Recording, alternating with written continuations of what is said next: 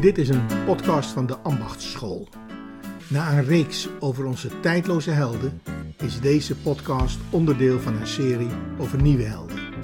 Helden die zich uitspreken over organiseren en veranderen van organisaties of over maatschappelijke thema's die daaraan raken.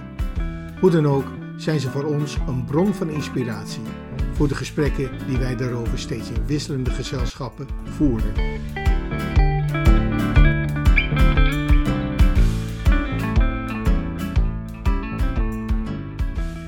Wij zitten hier vanuit de Ambachtsschool voor Organiseren en Veranderen. We zijn Ina Ahuis, Marjorie Glaudemans en ikzelf Odette Moeskops. Wij maken met elkaar een uh, podcast over het onderwerp waarachtigheid. Daarover gaan we met elkaar in, gesprek. We lazen er een boekje over van Alicia Gesinska. Dat heet Kinderen van Apathe. En Apathe is de godin van de leugenachtigheid. En de ondertitel van het boekje is over waarheid en waarachtigheid.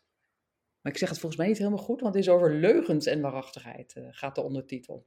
Nou ja, oké. Ina, wat heb jij met waarachtigheid? En Marjorieke, diezelfde vraag uh, natuurlijk ook aan jou. Um, ja, zal ik reageren bij Marjorieke? Um, waarachtigheid, ja, het, is eigenlijk een heel belangrijk uh, thema in mijn leven en in mijn werk. Um, ik heb eigenlijk altijd het gevoel gehad dat waarachtigheid zo ontzettend van belang is om ook echt contact met elkaar te hebben. Uh, waardoor je ook uh, moeilijke dingen durft te doen. Dingen die misschien een beetje buiten je comfortzone gaan, waar je wel vervolgens heel enthousiast van kan worden en die je ook kunnen helpen om betekenisvol te zijn. Um, dus ik heb eigenlijk waarachtigheid altijd gekoppeld aan, aan levenslust. En um, ja, wat mij zo raakte in het boekje, maar daar komen we zo meteen ook nog wel verder over te spreken, is dat uh, Alicia zo mooi ook dat beschrijft hoe waarachtigheid samenhangt met vrijheid. Dus dat ontroerde me ook wel toen ze daar ook in haar boek zo woorden aan uh, gaf. Omdat ze er ook weer woorden aan gaf die ik nog niet helemaal had. Dus dat vond ik uh, heel mooi om te lezen. Ja, ik las uh, uh, twee jaar geleden inmiddels een artikel over dit boekje. En volgens mij was het boekje er toen nog niet. Um, en wat mij daarin heel erg raakte, is dat uh, Alicia Kesinska um, eigenlijk zei dat waarachtigheid bijna nog belangrijker is als waarheid. En dat, nou, dat resoneerde heel erg met, uh, met wat ik in, in mijn werkpraktijk heel belangrijk vind. Ik, ben een kunstenaar en ik werk met uh, mensen in organisatieverandering. Uh, het, het, het waarnemen. Wat neem je waar? Wat natuurlijk eigenlijk ook altijd een sub, sub, subjectief gebeuren is. Um, en zij gaf daar voor mij een idee echt weer een heel nieuwe woorden aan, die, die ook een nieuw gebied uh, opende. En wat zij. En toen, een, een, jaar later, Odette, bracht jij dit boekje bij ons onder de aandacht, Kinderen van Apathe, over leugens en waarachtigheid. En ja, dat is echt prachtig. ik ben heel dankbaar dat, dat je dat hebt gedaan en dat we het hebben, nou ja, helemaal precies hebben kunnen lezen en uit, uitdiepen.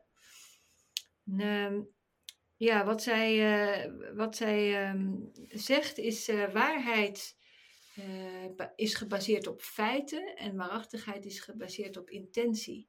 En daarmee, ja, dat is een, eigenlijk een cultuurinterventie zou je kunnen zeggen in, uh, in, uh, in, in de manier waarop wij dingen benaderen, ook, ook in organisaties. Ik was zelf ook nou best wel onder de indruk van het boekje. Ik kreeg het van iemand aanbevolen, dus daarom ging ik het lezen. Het is ook een heel dun boekje trouwens voor de luisteraar. Dus het is niet een heel omvangrijk werk van 500 pagina's wat je door moet. Maar het is heel klein. Voor mij was het eigenlijk een nieuw woord. Een woord, uh, soort tussenwoord noem ik het eigenlijk maar tegenwoordig. Ik ben, het wel blijven, ik ben er wel over blijven nadenken. En ik ben er ook mee bezig. En het is een woord, daar vergiste ik me waarschijnlijk net bij die titel, wat tussen waarheid en leugen in zit. Hè? Uh, waarachtigheid. En um, ik vond het wel een perspectief wat waardevol is, omdat je ook in organisatievraagstukken en ook trouwens privé steeds meer merkt dat mensen ofwel waarheid ofwel leugen zeggen over iemand. Of dat is een leugenaar, of die spreekt tenminste de waarheid. Hè? Er zit ook gelijk een oordeel in. En in het woord waarachtigheid zit veel meer streven, inderdaad intenties, zoals Marjorieke zegt. Maar ook zelftwijfel, onderzoeken, hypotheses maken. Dat de waarheid niet kenbaar is, maar wel een soort streven hè, is, et cetera, et cetera. Dus dat, spreekt mij aan. Ja. En jullie twee ook, hè? Vandaar dat we hier dus zitten. Ja, dus dat woord intentie is wel, wel een keyword. Hè? Dat ze ook zegt dat, dat leugens ook eigenlijk de, uh, te maken heeft met de intentie om de ander te misleiden. Uh, terwijl waarachtigheid veel meer gaat over, dat legt ze heel duidelijk uit, veel meer gaat over de oprechtheid tegenover anderen. En aan de andere kant authenticiteit. Dus dat beschrijft ze als niet vervreemd zijn van jezelf. Dus thuis zijn in jezelf. Um, en, en beide kan hard werken zijn. Oprechtheid en authenticiteit. Dus Mag ik nog eerst een ander haakje, uh, Ina, als je het ja? goed vindt, bij uh, wat zij zegt over leugen. Hè? Want zij definieert wel een leugen, wat ook wel, doet ze ook heel uitgebreid. Hè? Maar zij zegt ook, uh, en dat ken je eigenlijk wel uit spraakgebruik, dat, dat er ook leugentjes om best wil zijn. Hè? Dat maakt ze eigenlijk ook weer een beetje zacht. En dat doet ze eigenlijk door leugens morele statussen te geven. En dan kun je in haar voorbeelden kiezen uit neutraal, immoreel of moreel verantwoord. En weet je, daarmee maakt ze voor mij ook zelfs van die leugen weer opnieuw, eh, weer een meer grijs gebied. Hè? Dus meer een gebied wat niet meteen in de wijzij en de polarisatie uh, uh, terechtkomt. Dus dat wil ik eigenlijk nog even zeggen voordat we naar uh, Ina, want dat is ook een heel belangrijk stuk bij haar, hè? die oprechtheid en die authenticiteit gaan. Hè? Dat hij dus die nuance heel erg doet. Ja, want ook, ook zwijgen kan liegen zijn, hè? zegt ze zo mooi. Zeker, non-verbaal, hè? non-verbaal liegen. Dus door ja. inderdaad je mimiek of je houding of hoe ja. je kijkt. Uh, ja, en zij koppelt de leugen echt aan een intentie om te liegen, hè, waarbij je jezelf ook bewust bent dat je liegt. Precies. Dat is het eigenlijk, hè? Ja. Met, met, als doel om de ander te misleiden, hè? dat je dat dus doet. Hè? Dus dat is de, het morele ook, ook eraan.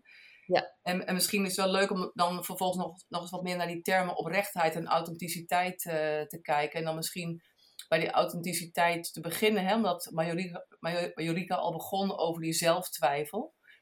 Um, dat dat ook een proces is om daar, waar je echt jezelf in kan ontwikkelen. Hè? Dus, dus niet vervreemd zijn van jezelf. Dat betekent dus dat je, dat je jezelf kan ontwikkelen in wie je bent en wat je wil. En vervolgens kun je daarnaar handelen, kun je daar waarachtig in zijn. En dat is voor mijzelf ook wel een proces geweest om dat te leren. Want ik heb toch wel best lang in de klem gezeten dat ik dacht dat er één waarheid was die ik dan zo goed mogelijk moest vinden en ook heel goed over het voetlicht moest brengen. Um, dus dat loslaten, dat het slechts waarachtigheid is, heeft mij ontzettend uh, geholpen in mijn leven en, in mijn werk. Dat ik ben veel vrijmoediger gaan spreken over wat naar mij, hoe ik erin zit. En daardoor ook veel makkelijker van dat ik waarschijnlijk wel iets zal missen. Omdat ik ervan uitga dat ik blinde vlekken heb of denkfouten maak. En breng je dat ook naar organisaties, Ina, deze inzichten? Ja, als een basishouding.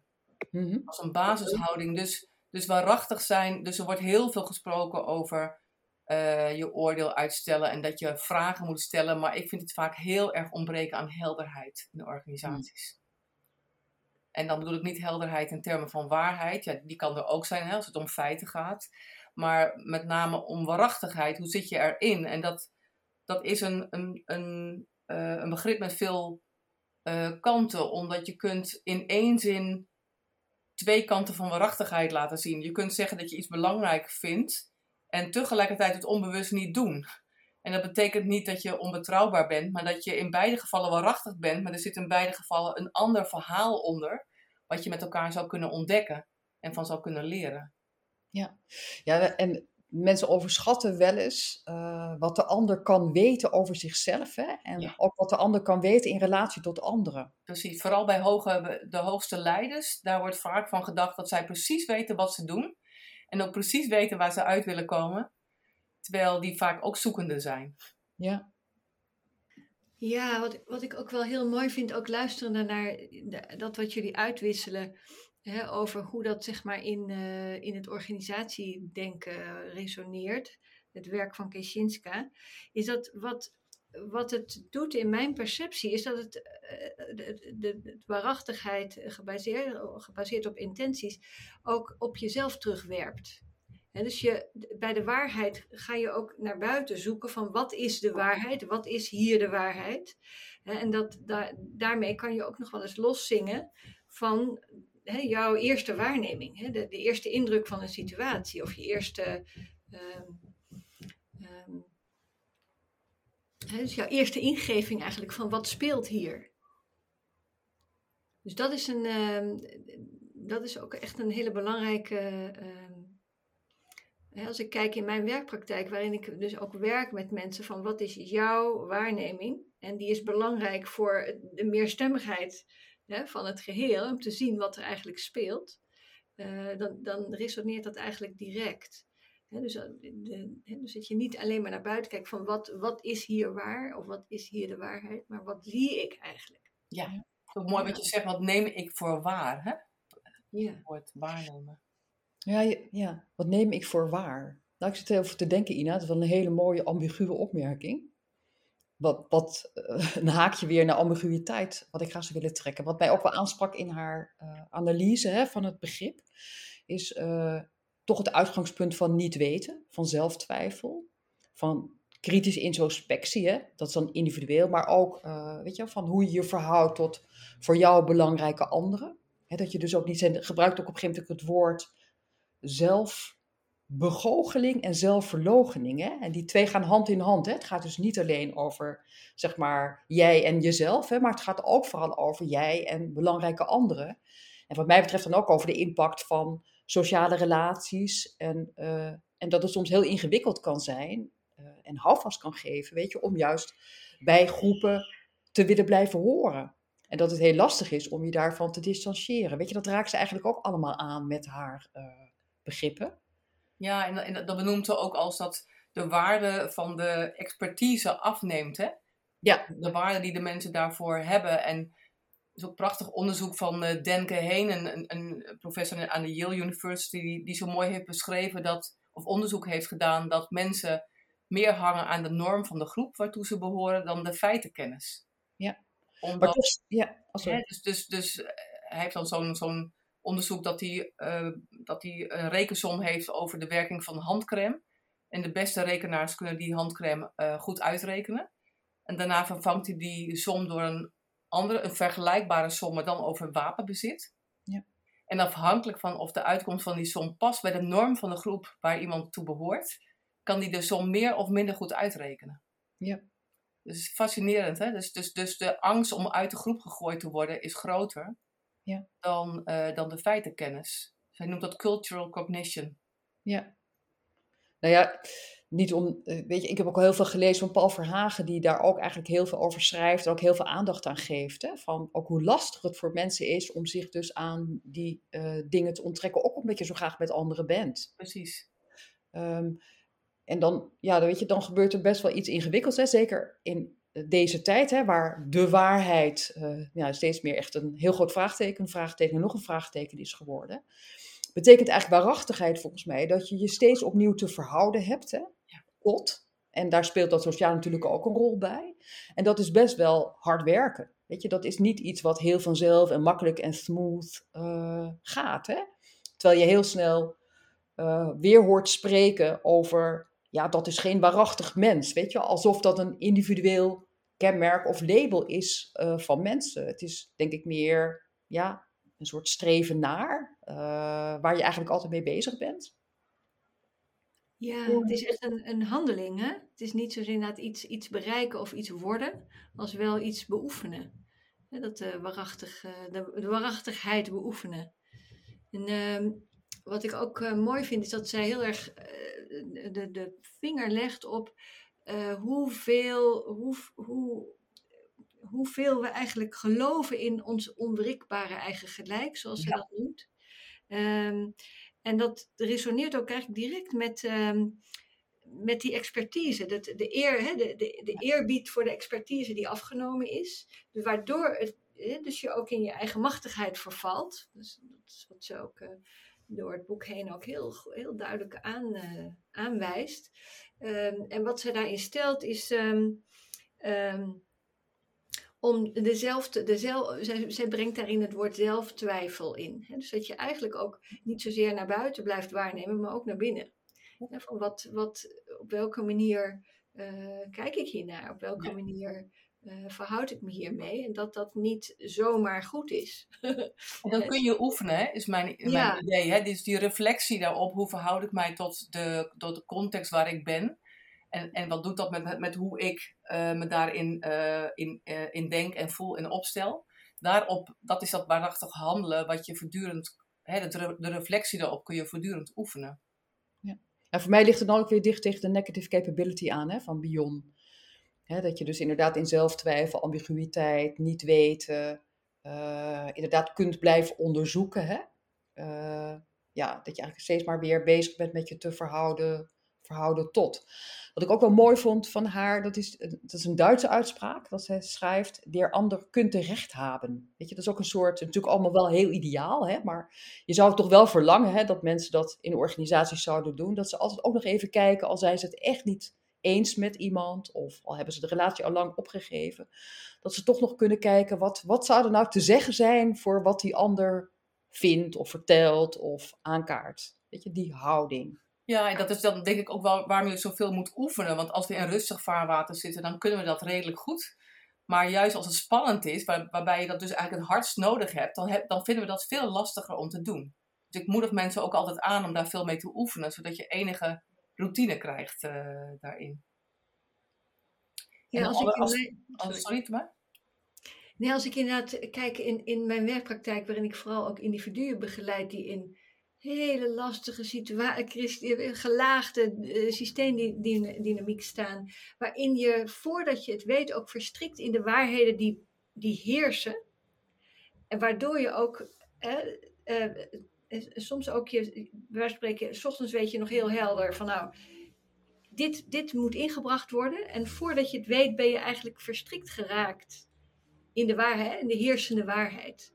Terwijl het zo nodig is dat die ook doorzien wordt. Dat daar nieuwe voorstellen in komen. Dat daar andere blikvelden, andere waarnemingen ehm, eh, ingebracht worden.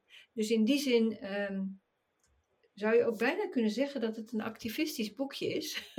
Als je het beoefent zoals het uh, uh, zegt, activisme niet in de tegenoverstellende zin, als wel in, in blijven, blijven kijken, blijven waarnemen.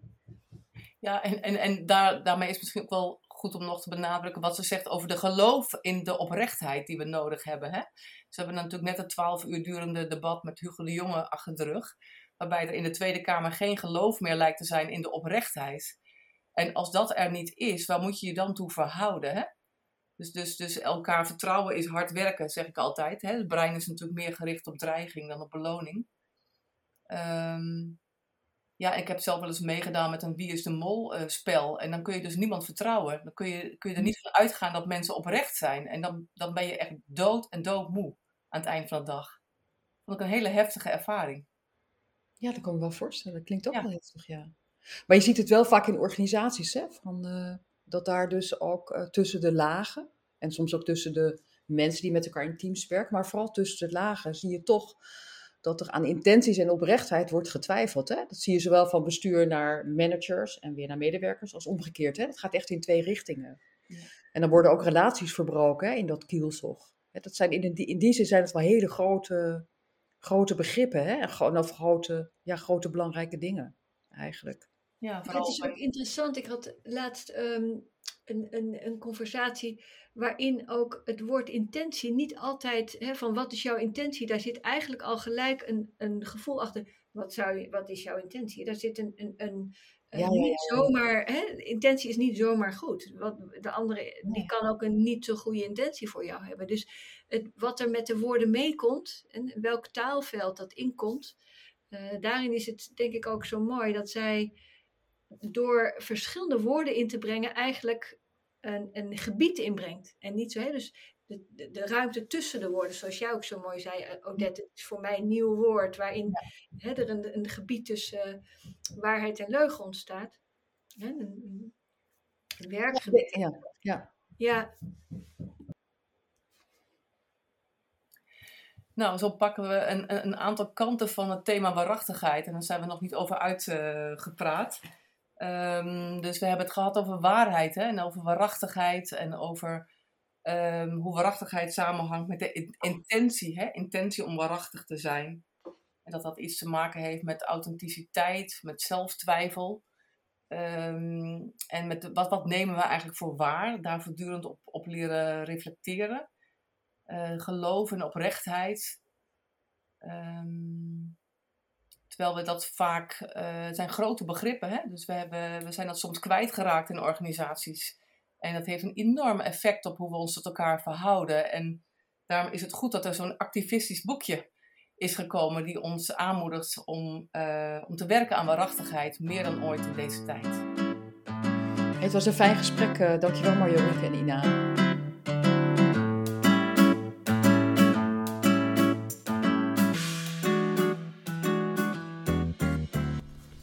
Dit was een podcast van de Ambachtschool over nieuwe helden.